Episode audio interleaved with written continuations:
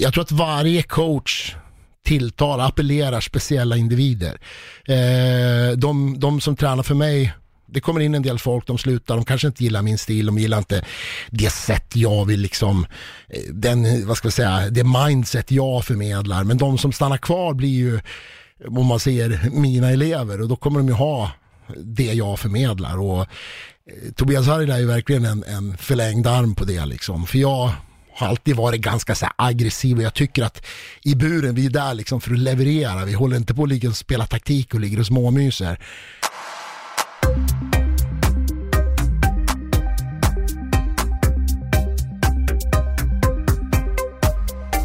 Jörgen Hamberg, välkommen till Paul Levi Podcast. Tack, tack. Kul att vara här. Ja, fan vad grymt att, att ha dig här, för nu eh, ska vi liksom få reda på sanningen om dig och eh, vad fan det är ni gör där borta i Västerås egentligen. ja, jag undrar själv vad vi håller på med. Ja. Ja, men det känns lite som att ni är ju verkligen så här uppstickare. Man har inte hört så jättemycket om Västerås, men sen helt plötsligt börjar man höra väldigt mycket om Västerås. Ja, det blev ju så. Eh, Från och med 2014 någonstans så började det låta en del och Mm. ja, ja, det går ju rätt så bra ändå. Ja. När startade klubben? Och var det du som startade klubben eller? Äh, nej, vi startade, jag, jag startade egentligen på en biklubb som ville hålla på med MMA. Så sa de, du har kört mest stående Jörgen, så du får ta MMA. Och det var 2009 ungefär. Ehm, och då försökte man väl se på med en BI-bas egentligen ett tag. Och, och alltså jag hade noll koll på Svenska MMA-förbundet, eh, alltså generellt vad som gällde. Sen om man säger tog vi väl ett omtag 2014, då flyttade vi till ny klubb, då flyttade vi till Västerås Fight Club. Eh, vart väl mer eller mindre headhuntad av den dåvarande ordföranden där som tyckte att eh, vi har ingen elitverksamhet, vi vill satsa. Är du beredd att haka på liksom? Alltså vi betalar resor, vi betalar tärnsavgifter, vi betalar allt. Det enda du behöver göra det är att jaga upp folk som kan, kan eh, leverera. Så jag fick ett ganska tydligt eh, område och det är väl ungefär det vi gör. Ja. När, vad var det du hade gjort innan? Du sa det med stående fighting. Höll du på med boxning då eller? Jag började med boxning eh, 83 kanske. Mm. Och eh, i Väster, ja, Västerås då, BK Rapid. Boxades några år, jag höll på med kung fu, jag höll på med taekwondo, jag höll på med egentligen allt möjligt. Jobbade ordningsvakt, eh, brottades, alltså vanlig traditionell brottning. Hamnade sen i BJ om man säger på 2000-talet. Fick väl något snöre där och tyckte väl det var rätt så kul som en sån här motionsform. Tills jag väl skulle då vara tränare i MMA och ja, då fick jag väl det intresset. Följde du MMA innan det också eller var det något som kom sen? Nej, Jag följde MMA och tyckte det var ballt. Det var liksom bara ett vanligt fan egentligen. Och vi, vilken, eh, vilka organisationer var det du följde då? Kan det ha varit UFC, Pride och... Ja, det var UFC och Pride. Man tittade även på K1, K1 Max och de här grejerna liksom. Det var den tiden. Så det var coolt. På Eurosport? Eurosport, ja. Exakt. Det var Jag- tider. Jag minns det också, för där, det intressanta egentligen med just de här K1-matcherna var att de kunde gå i repris på lunchtid. Ja, ja, ja. Det gick hela tiden. Det var Ja. bra tider oftast. Man kunde se dem. Ja. Och K1 Max, då var de ju lite lättare. Då var det mycket mer tekniskt liksom än de här stora klumparna. Så att oftast de där som låg runt 70 kilo, det var ju, det var ju den häftigaste liksom, häftigaste matcherna egentligen. ja. Första UFC-minne, eller det starkaste UFC-minne från tidigt som du kommer ihåg? Oh, ja men det är väldigt tidigt. Det var nog säkert kanske två, tre, fyra. När man egentligen fick skalla varandra, man fick slå varandra i skrevet, man fick alltså göra massor med otillåtna tekniker. Och det var ju mest så här att det var ju som en freakshow då. Man tänkte vad fan är det som händer? Och sen Gracie-eran när de kom in egentligen och drog ut jättestora killar på ingenting. Man tänkte vad, alltså det här, det är liksom, det här borde inte funka men, men det gjorde ju det bevisligen. Ja. För ingen kunde brottas, ingen kunde BI. Nej, och på den tiden var verkligen när de väl fick ner någon på marken som inte var van vid att vara på marken, så det, det var man kunde se i ögonen att vad fan är det som händer? Jag Ja, de var som sköldpaddor på rygg liksom. Ja, verkligen. Och då var det ändå killar på 140 kilo som bara Ja. Mm. låg och sprattlade. ja, det var kul. Det är det man brukar kunna i alla fall, du kunna ställa sig upp, men inte när någon ligger på en ifall man aldrig hamnat där förr. Så, Nej, vad nej, nej, nej. Låg ju som en liten ryggsäck bara Gracie-bröderna och, och drog och drog och drog. Nej, det var häftigt. Det som förvånar mig, det som är ganska chockerande nu egentligen, det är vilken jävla resa sporten har gjort. Från Ja. det du säger, freakshow, till att vi idag sänder på Viaplay, man Mm. kan se det hemma på en streamingtjänst, vi har unga killar och tjejer som söker sig till er eller andra klubbar och säger jag vill hålla på med MMA. Ja, Eh, backar vi 20 år, då fanns inte ens den definitionen på majoriteten av eh, klubbarna heller. Nej, och det börjar ju alltid om man säger i, i fel ände om man säger. Mm. Nu kan liksom det komma fram slip, slipsar och kostymer på jobbet och, och, och börja snacka UFC. Man tänker alltså, men vänta, mm. ja, men jag följer allt, liksom. jag missar inte ett, ett program. Och då tänker man så här, vi har tagit oss in om man säger, vi har tagit upp i, i högre samhällsklasser, det är farmor och farfar, det är barn som berättar hur gick det för Alexander till exempel i helgen. Och då, då har man nått ut, då har man nått en bredd liksom, det är skithäftigt. Jag gillar det mer. Hur, hur är liksom MMA-andan i, i Västerås? Bland gemene man nu menar jag. Det börjar ju komma om man ser i och med att stan har gått rätt så bra om man säger. Vi har inte haft någon MMA-scen tidigare. Vi har en MMA-scen nu. Folk tycker det är häftigt, de vill följa det, de, mer som fans. Det kommer in rätt mycket folk på nybörjarintagningar, men det är som vanligt. När man har någon som ligger uppe på en och bankar och slår, då kommer man ganska snabbt på att jag ska nog följa det här från tv-soffan egentligen. Det är min grej lite mer. Så att det är en extrem sport. Så som utövare är det ju inte till för alla, men däremot att titta på så tror jag att, att det tilltalar om man säger den moderna människan. Det här är så nära ett gladiatorspel de kommer liksom. Och, och, och, och, de börjar läsa, liksom, de börjar kunna tekniker och, och olika inriktningar så att de, de hänger med liksom. Och, Ja, det är kul. Och jag tror framförallt också att nu när folk börjar titta på det och verkligen förstår det så fattar de också att det finns en tredje person där inne som också ser till att det inte blir livshotande skador och att bara för att du får många slag när du ligger på rygg så betyder det inte att du är i fara. För att är du i fara, då kommer folk in, till exempel Kevin Tasataki då för att nämna en svensk domare och faktiskt säger nu, nu är det lugnt, det är ja. klart, det är över. Och det är därför en tredje person finns där. Men jag måste göra en, en grej här lite med när du säger att vissa väljer då hellre se det från tv-soffan. Du är rätt glad att Tobias Harila inte satt med den tanken va? Eh, ja, det finns ju då individer som inte är gjorda för tv-soffan om vi säger så. Det finns som man säger, det är det som är så härligt med den här sporten. Det finns ju, eh, jag tror att varje coach tilltalar, appellerar speciella individer. Eh, de, de som tränar för mig det kommer in en del folk, de slutar, de kanske inte gillar min stil, de gillar inte det sätt jag vill liksom, eh, den, vad ska jag säga, det mindset jag förmedlar. Men de som stannar kvar blir ju, om man ser mina elever och då kommer de ju ha det jag förmedlar. Och eh, Tobias Harila är ju verkligen en, en förlängd arm på det liksom. För jag har alltid varit ganska så aggressiv och jag tycker att i buren, vi är där liksom för att leverera. Vi håller inte på att ligga och spela taktik och ligger och småmyser. Och det gör han aldrig liksom. Det, det finns inte liksom utan här, här, försöker man göra slut på folk, eller man försöker göra slut på matchen så fort det bara går. Vad har han för record nu igen? Var det 8 eller 7-1? Nej, nej, han är bara 5-1. Ja, bara 5-1. Du ser, jag är redan han, så många knockouter Han, bör, han börjar ju i maj. Så det just det, just det. han har inte kört ett år än. Så. Nej, men däremot så har han en gedigen amatör-MMA-karriär i ryggen va? Definitivt, definitivt. Han har ju, har han 25-5 tror jag i, i record som amatör. Ja. Och han har ju varit med i landslaget i två år då. Mm. Så han har ju mött, de flesta av hans matcher är ju faktiskt internationellt motstånd toppklass liksom och, och, folk har ju somnat till höger och vänster så att eh, nej, han, har, han, har, eh, han har levererat som amatör redan. Mm.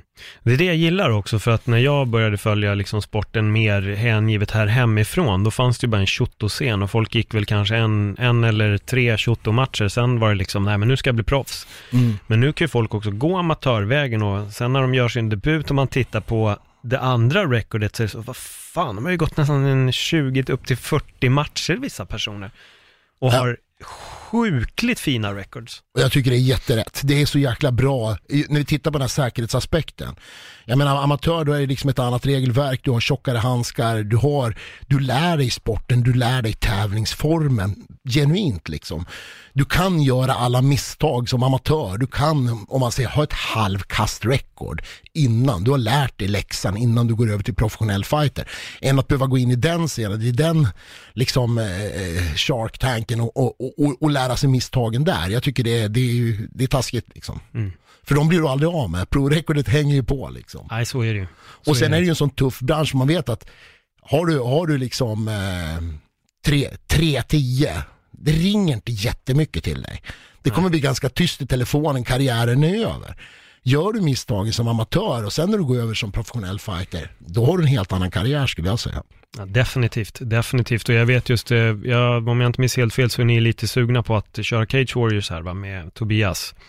Mm, mm, ja, absolut. För där har vi ett gäng fighters också, där man just när jag sitter och gör research på dem, så ser man att, okej, okay, här är en kille som har en match, som bara, oj oh, jävlar vad han hade amatörmatcher. Mm. Och de levererar. Mm. De levererar alltid, de som har den här riktiga amatörbakgrunden och tagit något, eh, något guld, om det är ett amatör-VM eller, eller vad, vad heter det, nationellt Absolut, det är ju jättehög kvalitet på de här. Och jag menar, du tävlar, du går fem matcher på fem dagar. Eh, det är stenhård konkurrens. Så jag menar, tar du dig till toppen, då, då vet du vad du håller på med. Det är liksom inte mm. så här att man kan få in en halvmiss och så vinner man VM, utan man kommer att få möta fem tuffa motståndare som du ska slå. Så att det är klart att du har kvaliteter, det är ju det är garanterat så. Och du har ju tillhört landslaget också. Ja, jag har ju haft, jag har ju man säger, haft killar som har varit i landslaget i fyra år nu då olika, olika killar som, som eh, eller killar säger jag, har haft en tjej också. Mm. Jag har en juniortjej som heter Mille Eriksson som, som var med sist då. Och, så nu nu är det inte bara killar längre, men, men jag har haft fighters som har varit med i landslaget och då har jag hängt med som coach i dem. Och sett den cirkusen samtidigt som jag sitter i Svenska MMA-förbundet och liksom haft kanske förbundsfrågorna gentemot IMF då. Eh, så att det har varit väldigt nyttigt och jag tycker den här scenen är otroligt viktig att den finns att det finns, att man på amatörnivå kan bli Europamästare, du kan bli världsmästare.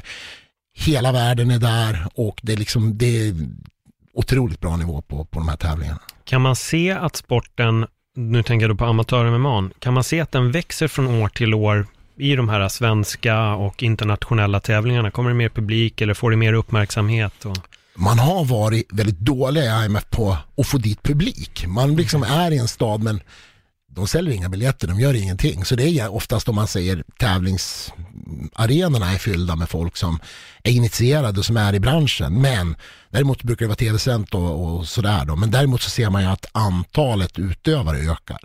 Det kommer in många fler länder och nu slår man ihop då den ryska organisationen VMMA, VMMA som egentligen M1 skötte. Slog man ihop med IMF då. Så nu finns det bara en. Förut fanns det två, så att östblocket körde på den ryska.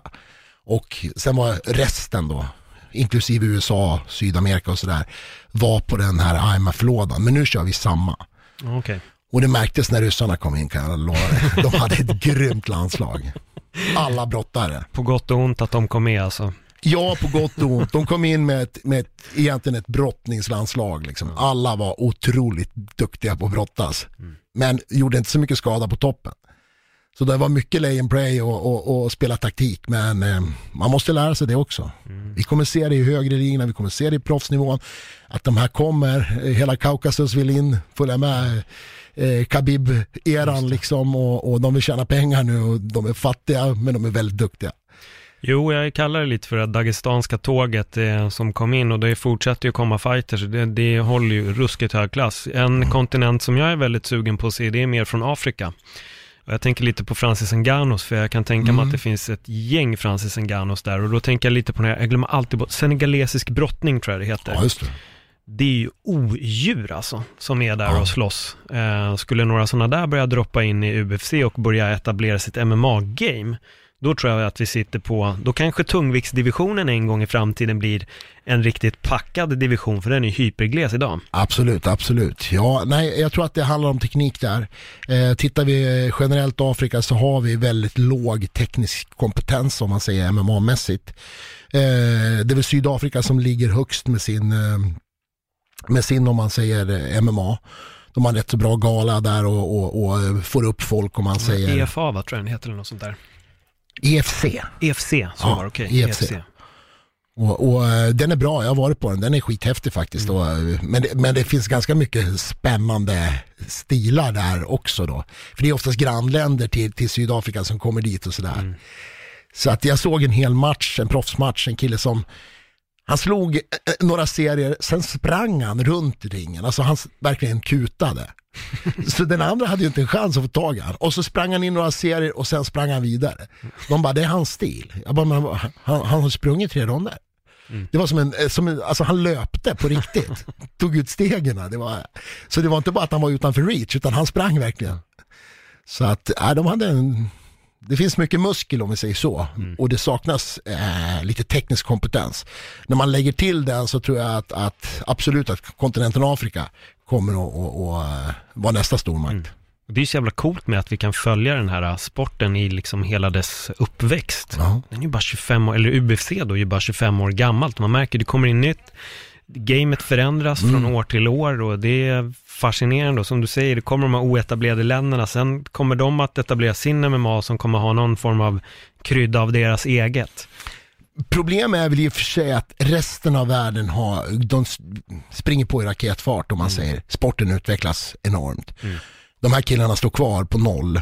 Eh, det är liksom lite, lite knogmackor och lite som du säger, sengalesisk brottning och sådär. Men det är långt ifrån UFC-nivå på dem. Eh, Ja, nej, absolut. Så vi måste, de måste börja, börja om man säger, Precis. träna Precis. strukturerat egentligen.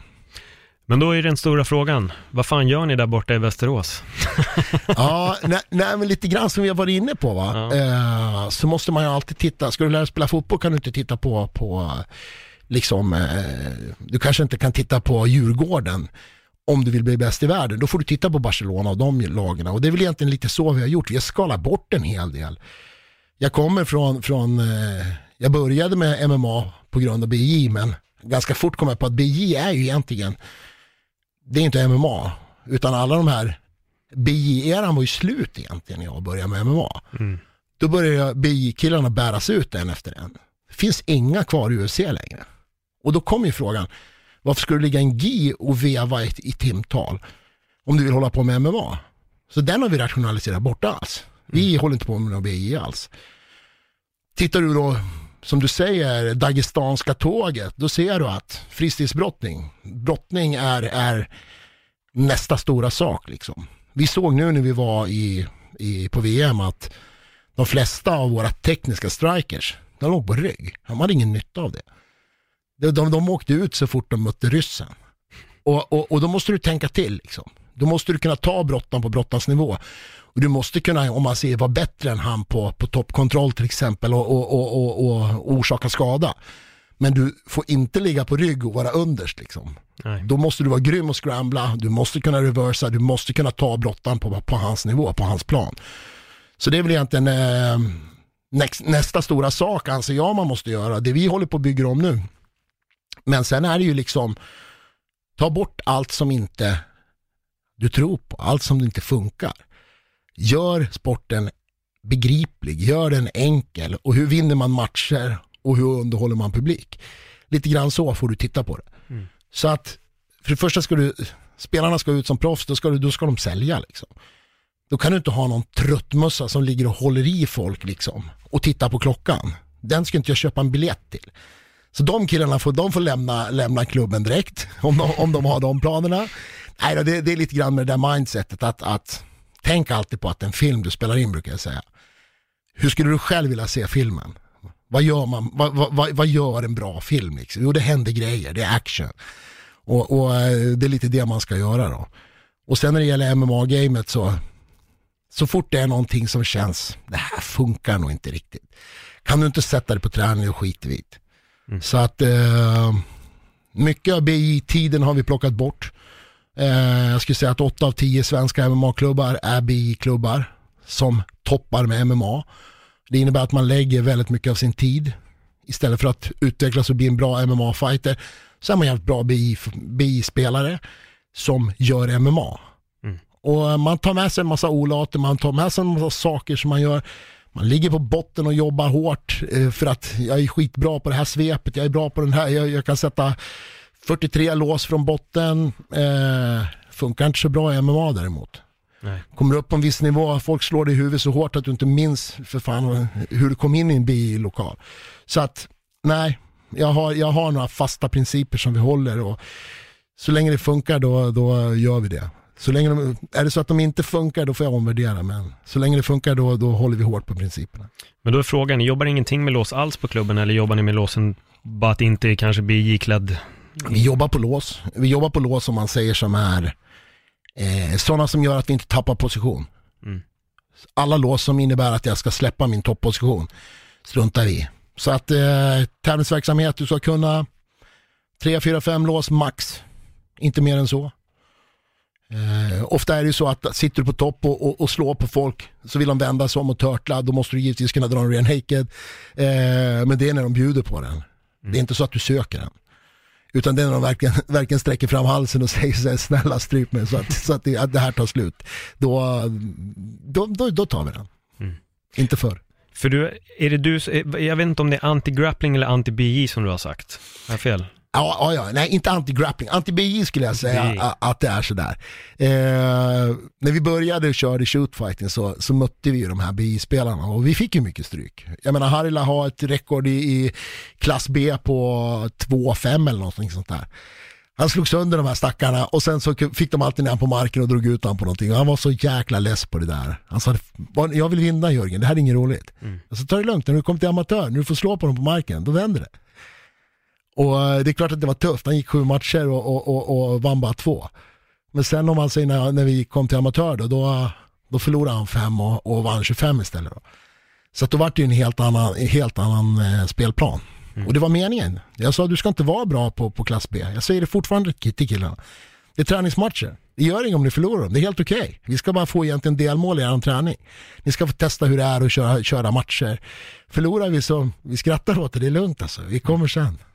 Men vad gör ni när ni sätts inför en typ en Damien Maya eller en Brian Ortega och de här som verkligen har en ruggig spetskompetens i sin BJ? Vad lägger ni upp för strategi, eller vad lägger du upp för strategi där? Jag skulle, jag skulle säga så här att, att det, man, det man försöker göra egentligen, även om man blir nedtagen, för det kommer man bli, så gäller det att, att scrambla väldigt, väldigt bra.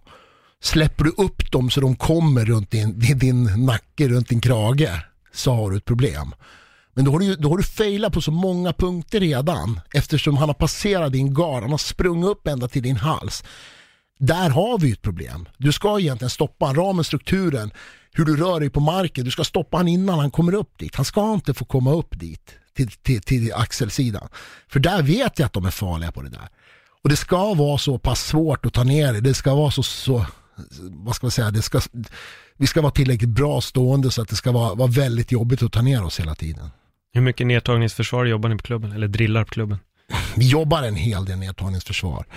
Eh, senast igår faktiskt så, så rekryterade vi en brottningstränare, en otroligt duktig fristilskille som ska hjälpa oss med, med fristilsdelen egentligen. Eh, förhindra nedtagning, brottare, reversals och, och eh, takedowns egentligen fri, från fristilssidan. För att jag, jag förordar brottning idag, eh, långt före BI. Det är saker som funkar, det är saker som är hårt, det är saker som, som eh, det är action. Ehm, och samma om man säger när det gäller brottare som man konverterar till, till MMA-fighters. Det är otroligt mycket lättare än att konvertera en, en vettig BI-spelare till, till att bli MMA-fighter. Mm. Och det handlar mest om fys faktiskt. BI-spelaren, det är en mysgubbe, han ligger och, ligger och drar sina lås och sådär. Han är aldrig fysad som en brottare. Folk som kommer från en brottningsbakgrund, bakgrund, du ser dem i 20 bast, de började när de var 7-8. De är frivolter, de är stenhårda i kroppen, de kan jobba hur många timmar som helst. De har en träningsdisciplin, de har en fys som är helt outstanding. Du behöver bara lära dem att hålla upp garden och, och, och, och, och egentligen eh, eh orsaka skada från topp. Sen, sen börjar de att leverera, det går väldigt fort att konvertera dem. Det är kul faktiskt. Jag hade Louis Lagerman här förra veckan och han sa också det att han bara, de som slog otroligt bra, det var brottare. Och han hade pratat väldigt mycket om hur man sätter ner fötterna i golvet för att få rätt typ av slag. Och då sa jag, bara, är det fötterna du har att göra med? Ja, de, de, de vet hur de ska placera. Och han bara, de är så vana vid att jobba med drag. Att dra folk, så de har en så bra stabilitet. Och när de väl börjar jobba med slag där så har de en oerhörd kraft. Många av dem har svårt att få upp garden, att, att de vill gärna ligga i brottningsposition, bröstet en bit ut ner, där nere. Och då kan det bli svårt. Men de som har liksom den här fighterintelligensen och snabbt konverterar och vet att oh, det här gör ju ont, upp med garden. Äh, de, de har, eh, jag tror att vi kommer att se dem, när de, om jag ska säga så tror jag att de närmaste tio åren så kommer det vara killar med brottningsbakgrund kommer att och, och, och, eh, vara regenterna i, i de stora organisationerna. Mm. Det ska bli spännande att se. Jag har en liten teori att sparkarna också verkligen, de har börjat komma in mer och mer med Steve Thompson och det är några som har verkligen lyft, lyft upp sparkarna. Jobbar ni någonting med sparkar? För du nämnde också att du har en taekwondo-bakgrund och det är någonting jag Mm. själv hade. Jag är ett stort fan av sparkar. Hur mycket jobbar ni med sparkar på klubben? Eh, om vi tar Tobias Harila som ett exempel, Mm. då, då var det så här att, att eftersom han kom från boxningsbakgrund har otroligt tryck i händerna. Det räcker att han halvträffar folk så, så går de i backen. Så jag förbjöd faktiskt han helt att sparka som amatör. Eh, du får inte sparka, du får inte knäa som amatör. För det var alltid då han blev nedtagen. De greppade benen, de greppade och sen så vart det, vart det om man ser, eh, eh, låg vi under då. Bottenposition. Och så att när han slutade med det så eh, gick det otroligt mycket bättre. Däremot nu som professionell fighter så måste man ha sparkarna för att blanda upp gamet. Så nu kör vi däremot väldigt mycket sparkar för att han ska få upp det gamet. Eh, Robin Roos har vi inte begränsat på det sättet eftersom han kommer från thai-sida och, och liksom har ruggiga low kicks som man ser och bra sparkar överlag. Så han, han är ju bara fortsätta, han har fått gjort det hela amatörkarriären eftersom han var bra att sparka.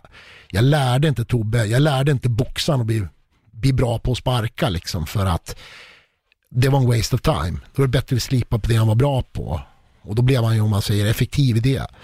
Så att, eh, och tittar vi som typ eh, Andreas Gustafsson som har brottningsbakgrund, han har den där, vad ska vi säga, stark. Ryan Reynolds här från Mint Mobile. Med priset på nästan allt som går upp under inflationen, trodde vi att vi skulle bring våra priser down. So to help us, we brought in a reverse auctioneer, which is apparently a thing. Mint Mobile unlimited premium wireless. Ready to get 30, 30, bit to get 30, bit to get 20, 20, 20, bit to get 20, 20, bit to get 15, 15, 15, 15 just 15 bucks a month. So, Give it a try at mintmobile.com/switch. slash $45 upfront for three months plus taxes and fees. Promo for new customers for limited time. Unlimited more than 40 gigabytes per month. Slows. Full terms at mintmobile.com. basen. Han ska bara undvika kickarna, han ska inte upp, upp med några fötter i, i, i huvudet på folk. Det känns liksom, det känns som en waste of time. Han har så mycket andra egenskaper så att eh, försök inte skapa bredd, skapa spets liksom. Om alla ska vara homogena och kunna samma saker. Vi tittar på, på killarna om man ser unikt. Vad har de för egenskaper nu? Vi förstärker det de är bra på och sen så bygger vi på om man säger gamet. Men istället för att sätta alla ska kunna den här kicken eller alla ska kunna de här serierna. Annars får du inte nästa bälte. Det, det skapar en homogen grupp och alla blir de dåliga höll jag på att säga. Men alla blir på samma nivå liksom. Du slår spiken på huvudet där. Eh, det är någonting som man faktiskt kan se när det gäller just, eh, inte bara UFC, utan vissa andra organisationer, att man kan se att vissa team fightas på exakt samma sätt. De har precis samma strategi, de slänger samma, skickar samma slag, skickar samma sparkar. Man kan börja koda av nästan fighters från teamet och veta att möter jag honom så kommer han fightas precis som alla de andra. Och jag tycker till och med att man kan se att vissa fighters blir sämre mm. av det. Ja. Men det du säger istället är att du, du drar upp tre olika fighters i Gustafsson, Ros och Harila och tre olika metoder för hur du jobbar med dem. Um, jag, tycker, jag tror nog att vissa toppcoacher faktiskt saknar den, den, den tanken med att se att det här är, var kommer egentligen min fighter ifrån? Vad är det jag måste bygga på? Ja. Vad är det han behöver göra? Hur kan vi lyfta det han redan är otroligt bra på? Varje fighter är unik liksom. Man måste mm. se dem som en unik individ och så ska man försöka bygga ett program runt om. Inte liksom bygga ett program runt coachen. Jag är ju gammal karatevärldsmästare så nu ska alla kunna karate liksom. Mm. Nej, då, då, då kommer det bli en ganska trist historia. Det blir som du säger, okej här kommer det fyra små avknoppningar från han och han liksom. Så att, eh, nej, jag tror inte alls på det. Nej. Vad får du egen inspiration från? Att eh, liksom hitta nytt för att utveckla dina fighters? Finns det någonting du tittar på eller någonting du följer? Hur? Det handlar nog bara om en känsla, en blick för det egentligen. För att jag menar, jag jobbar som projektledare i yrkeslivet och, och, och egentligen hela det här med MMA, det är, ett, det är ett stort fritidsprojekt liksom. Så att eh, man tittar på, på egentligen utveckling, hur vi ska bli effektivare och sådär. Och sen om man säger, försöker vi att exekvera det och sen så gör vi en utvärdering, funkar det här, funkar det inte, liksom behöver vi göra någonting annat. Och det har ju gått bra hittills liksom, projektet så att eh, jag hade, en, jag hade en plan i början att, att eftersom jag kommer från ingenstans så jag kommer, kommer att få upp några hyfsat vettiga amatörer var, var tanken först. Sen kommer jag få lämna över till de som kan den här sporten liksom. Och sen så när vi hade hyfsat vettiga amatörer och till de amatörerna som började vinna över de här etablerade klubbarna och etablerade coacherna. Jag tänker så här, vad fan, jag kan inte lämna över dem till dem för att de blir inte bättre. De är ju redan bättre än dem. Så att därför vart det så att vi lär oss tillsammans och nu är vi helt plötsligt i proffsvärlden. Eh, Harila var först ut i maj och nu har jag tre helt plötsligt. Eh, Och det är samma där, man utvärderar, man ser hur det funkar. Och jag ser väldigt mycket som är dåligt liksom. Och då tänker jag så jag ska ju inte göra någonting dåligt. Jag vill inte hålla på och reproducera någonting som är skit. Så, att- nej men alltså man tittar hur de blir behandlade, man tittar hur de lägger upp träningar, man tittar hur de uh, gör. Och jag menar här är det så här, jag, jag har ingen prestige, jag plockar in kompetens för det jag behöver. Jag menar vi har en, en fyscoach som, som gör fysscheman till grabbarna. Eh, vi har tagit in två killar som, som hjälper till med det stående nu med kickar bland annat från, från thai-sidan och, och uh, utvecklar den biten. Nu senast plockar vi in en brottare. Så jag menar, jag vill bygga ett team som, som fungerar liksom. Jag är mera projektledaren, jag har ramverket, tankarna, idéerna, hur det ska bli i slutändan och sen, uh, sen håller jag givetvis pass hela tiden, höll jag men jag håller pass, pass själv, men, men det jag inte kan, det plockar jag in kompetens på. Och jag har en ganska stark, jag ska säga, åsikt vad jag vill ha in för någonting. Så vi får se hur det blir. Det, vi har bara börjat.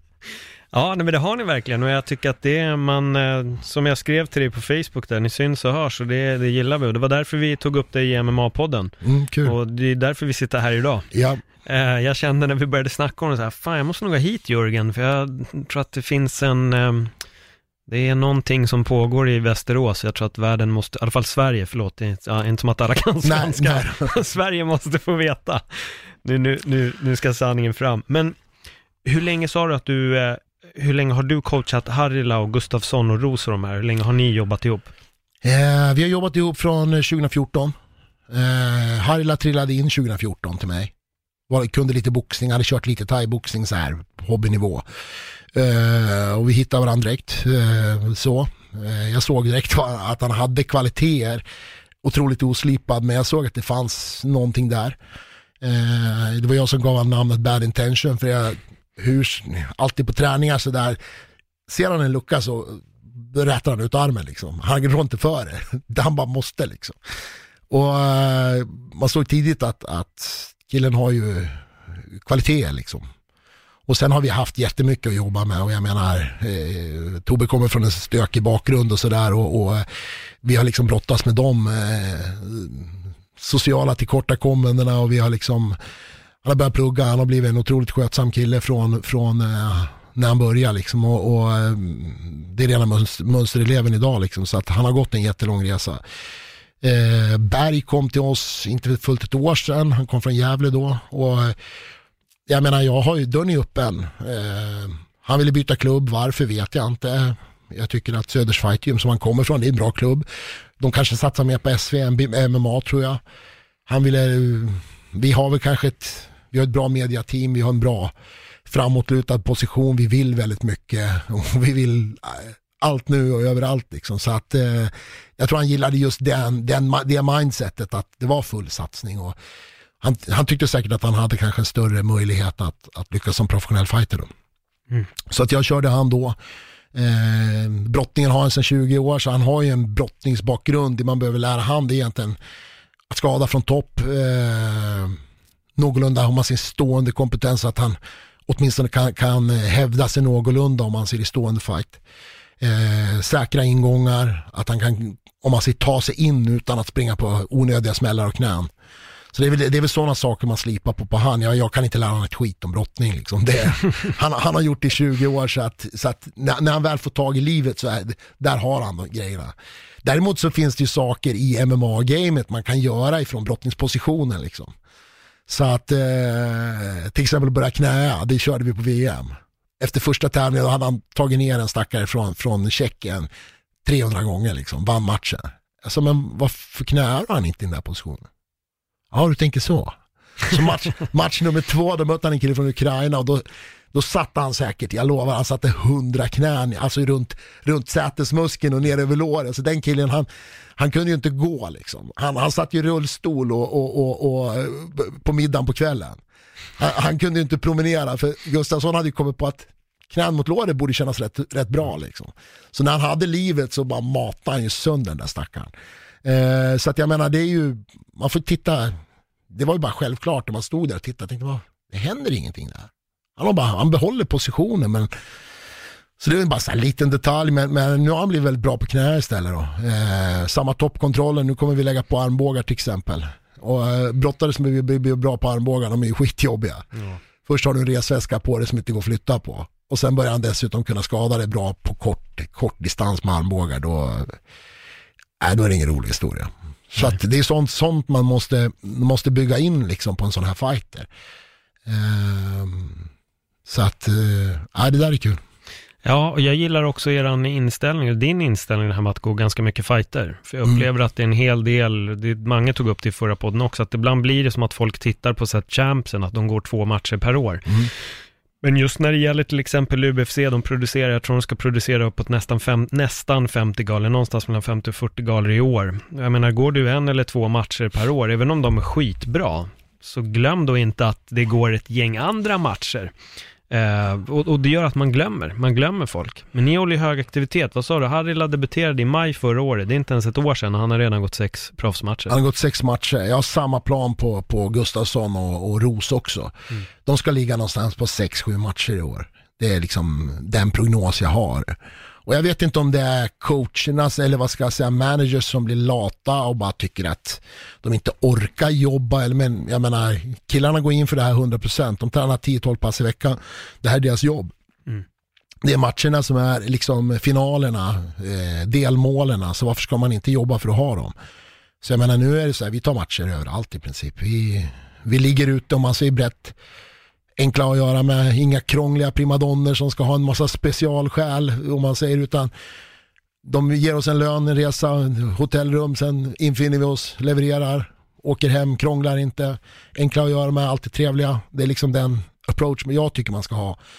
Om jag har en gala så vill jag att folk ska inte hålla på och krångla, de ska inte ha en massa special eh, att ja, men, jag måste ha med mig min mamma, min moster, så jag måste ha 15 rum till och sen vill jag ha champagne på rummet. Men skit på dig, då behöver du inte göra det. Drick champagne hemma. Du är fighter, du ska komma hit och du ska slåss, du ska bjuda publiken på någonting och du ska få den lön som jag lovar dig. Mm. Inte mer än så.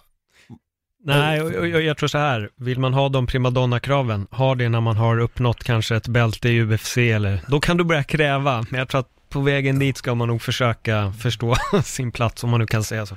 Ja, och det finns ju så otroligt många som liksom sitter på några få pinnar till matcher. De kan ha negativa rekord, men primadonnor har de blivit ändå liksom. Ja. Är den lönen duger inte till mig, jag går inte utanför dörren. Nej men gör inte det, du har inte gått en match på två år. Men den här slanten duger inte åt dig. Varför? Tror att någon ringer till dig annars? Varför har du inte gått en match på två år? Jag menar, det där är det där är den största proffsfällan som finns, att man stannar upp och går matcher. Mm.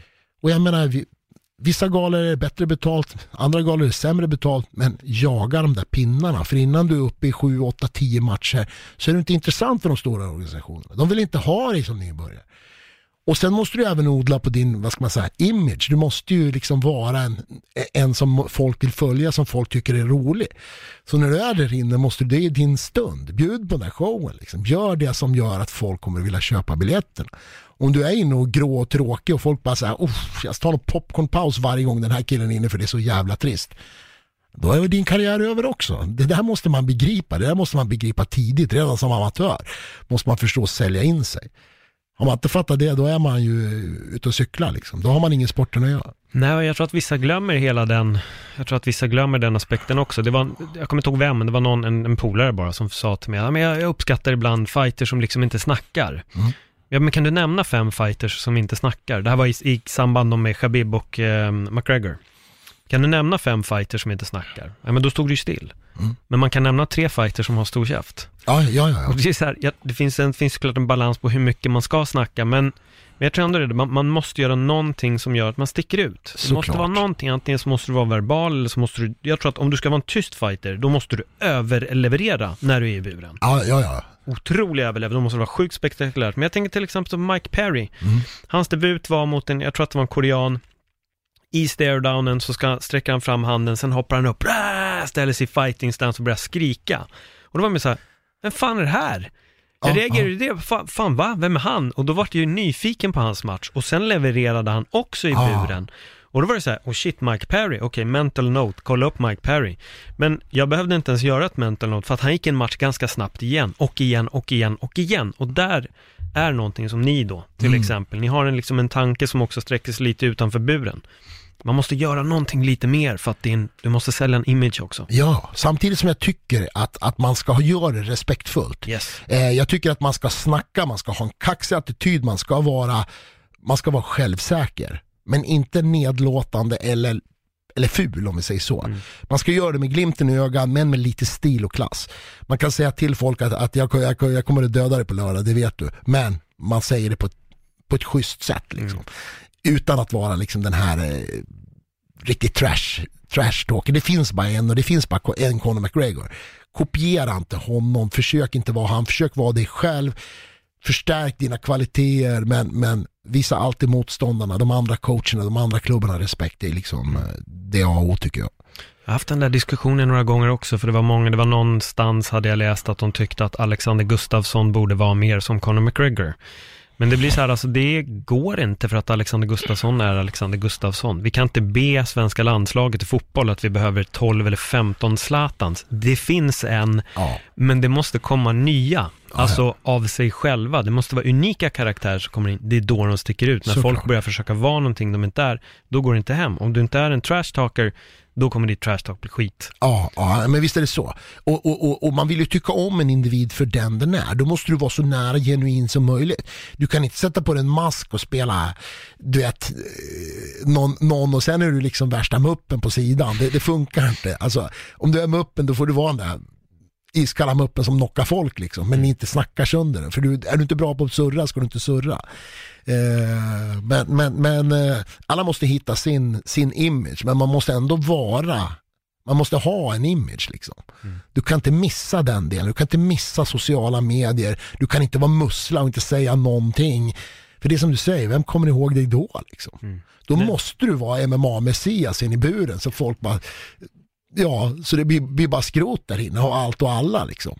Då behöver du inte snacka kanske, men, men det är där en kombo. Nej, det är en, det är en, alltså det är en sjukt svår balansgång och jag tror att det är väldigt, det är väldigt få som kommer in som besitter båda de två på en hög nivå.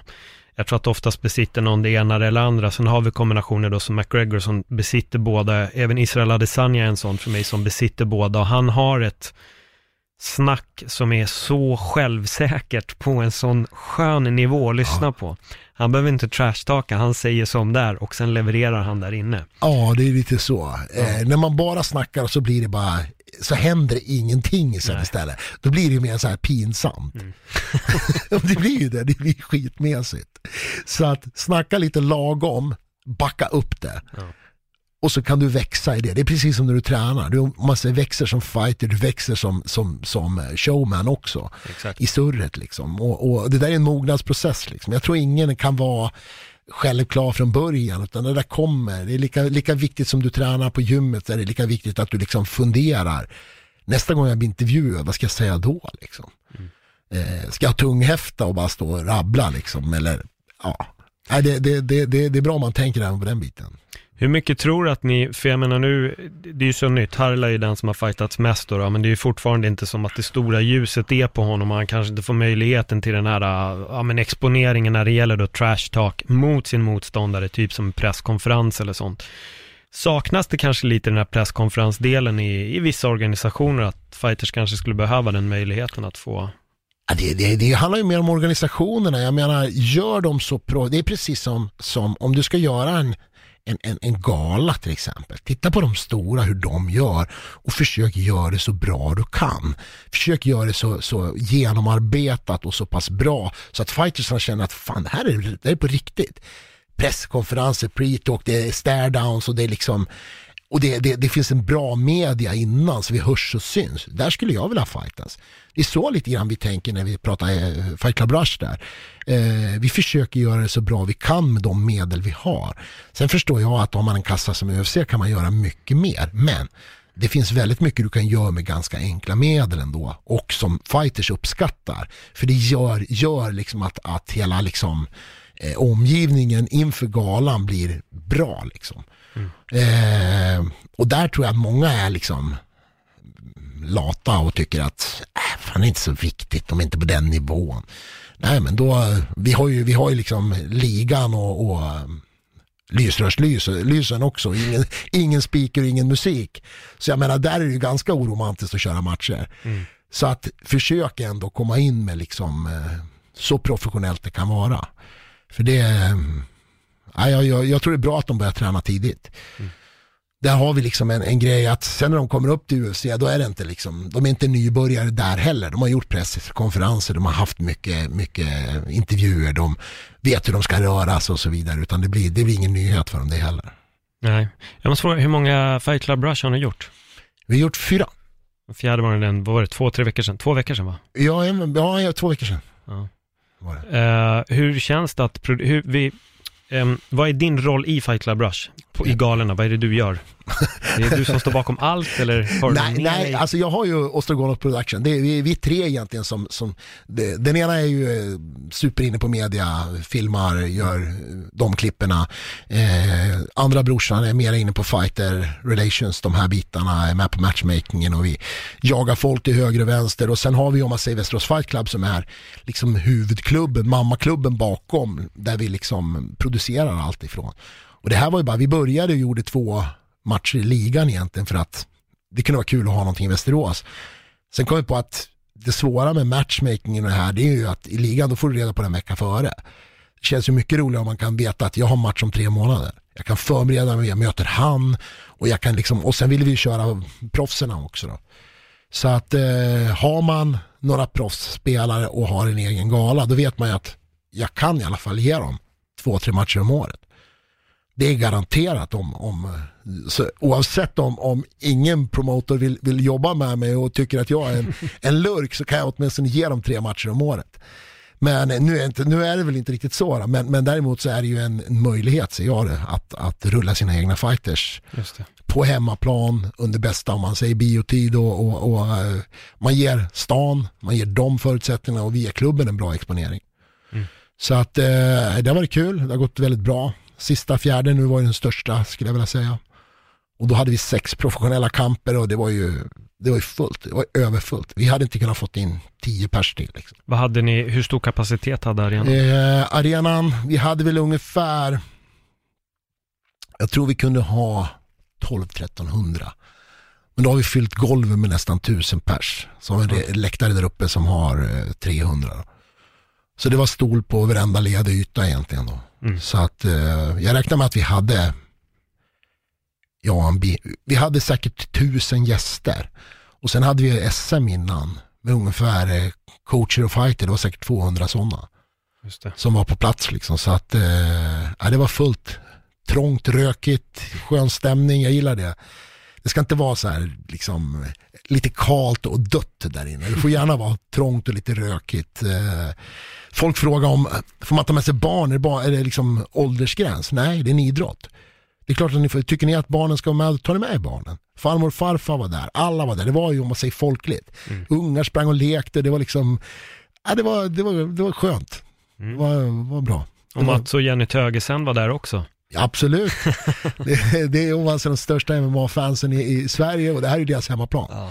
Vi är ju deras hemmaklubb, alltså vi är närmaste MMA-klubb som finns, så det är klart att de var där. Och dottern. Ja men de är så jävla sköna, alltså det är verkligen som du säger, de är, för mig är det Sveriges mesta MMA-fans. Alltså Mm. de är på varenda event, de ser varenda gala, de streamar, em, alltså PPVR, allt som de inte kan se via, via Play. Ja. Nej men de, de är på allting. Jag tycker de är, det är Och fantastiskt. alltid positiva och vänliga. Ja. Det är aldrig så att de säger till någon som har förlorat, fan vad kass du var. Du är helt värdelös, vad fan slängde vi pengar på dig för? Utan de alltid peppar, uppmuntrar alla liksom. Mm. Oavsett insats så är de liksom varma, sköna människor. Mm. Så de är bra. Jag får hoppas att det blir eh, fler som dem. Ja, ja, ja, det är klart. Det, Det är får vi verkligen hoppas. Ja, men det är superspännande. Du sa det, det, ni siktar på att göra runt sex matcher det här året då, eller gäller det alla dina proffs? All, all, alla, alla de som är proffsen ska, ska göra, ja sex ska de ha i år i alla fall, Mm. tycker jag. Ja. Så, och det tror jag vi kommer lyckas med. Jag ser redan nu om man säger på eh, Andreas Gustafsson, jag har typ tre klara innan, fyra kanske innan maj Mm. är slut. Åh jävlar. Så att eh, det kommer bli, det, vi släpper några nyheter snart, eh, så det, det blir bra. Spännande. Ja, spännande. Då har vi någonting att se fram emot Mm, mm. när det, när det väl börjar bli dags. Jörgen, Vi är faktiskt klara, så Ja. jag får säga tack för ett eh, härligt samtal och en liten inblick i vad fan som händer i Västerås Fight Club. Tack för att vi fick komma och surra lite, vad kul. Nej men absolut. Om folk vill, eh, vill liksom hitta dig, följa dig i din resa och allting du gör, finns det någon hemsida, finns det sociala medier? Det man- finns sociala medier, jag heter coach Hamberg på Instagram och jag finns på, på Facebook också. Och eh, grabbarna är bättre än mig att släppa, jag är inte världsbäst på, på sociala medier. Men det kommer en del nyheter, all, alla nyheter och allting fighting. Så gillar man inte fighting ska man inte följa mig, för jag är skittråkig där. Det enda som, som läggs ut på mina sociala medier det handlar om, om egentligen klubben och fighterna och grabbarna. Okej, så det är inte härliga matrecept som dyker upp? Inga matrecept eller, eller mina egna, eh, vad ska man säga, eh, tillkortakommanden. Jag håller inte på att visa dem när jag är i tvättstugan och så vidare. Det, det, det, det känner jag inte är så, så intressant. Men däremot så bombar jag nog folk med, med MMA. Så de jobbarkompisar, sådana som, som uh, har mig, de tycker säkert jag är världens tråkigaste. jag tänker. Ja, det är mycket MMA-fans i alla fall som kommer lyssna på det här, så jag tror inte att du kommer få dem som vi vill veta hur man får renare kläder börja följa dig. Nej, skönt, skönt. nej men grymt. Super, super tack. Det ska bli jättespännande att, följa dig, grabbarna och eh, Mille va, tjejen. Milja, ja. Mm, härligt att det kommer in lite fler på den fronten också. måste man ju ändå säga, fan, från att ha varit en sjukligt mansdominerad sport, så måste det ju nu, nu, nu i dagsläget vara den mest genusbalanserade sporten där ute får jag nästan känslan av. Om man kollar tjej som håller main events på PPV, UFC och... Absolut, jag tycker vi är jätteduktiga där och, och det är samma om man ser på träningar. Det här är ju så här, vi har inte tjejlag och killag som tränar, vi tränar alla ihop. Men det spelar ingen roll om det är en tjej som står på andra sidan eller om det är en kille, utan man tränar med den som står på andra sidan och man ska köra med och man, man, man rullar runt. Det är inte så att, nej vi kör inte med tjejer. Jag menar kolla, kolla ett A-lag i fotboll liksom.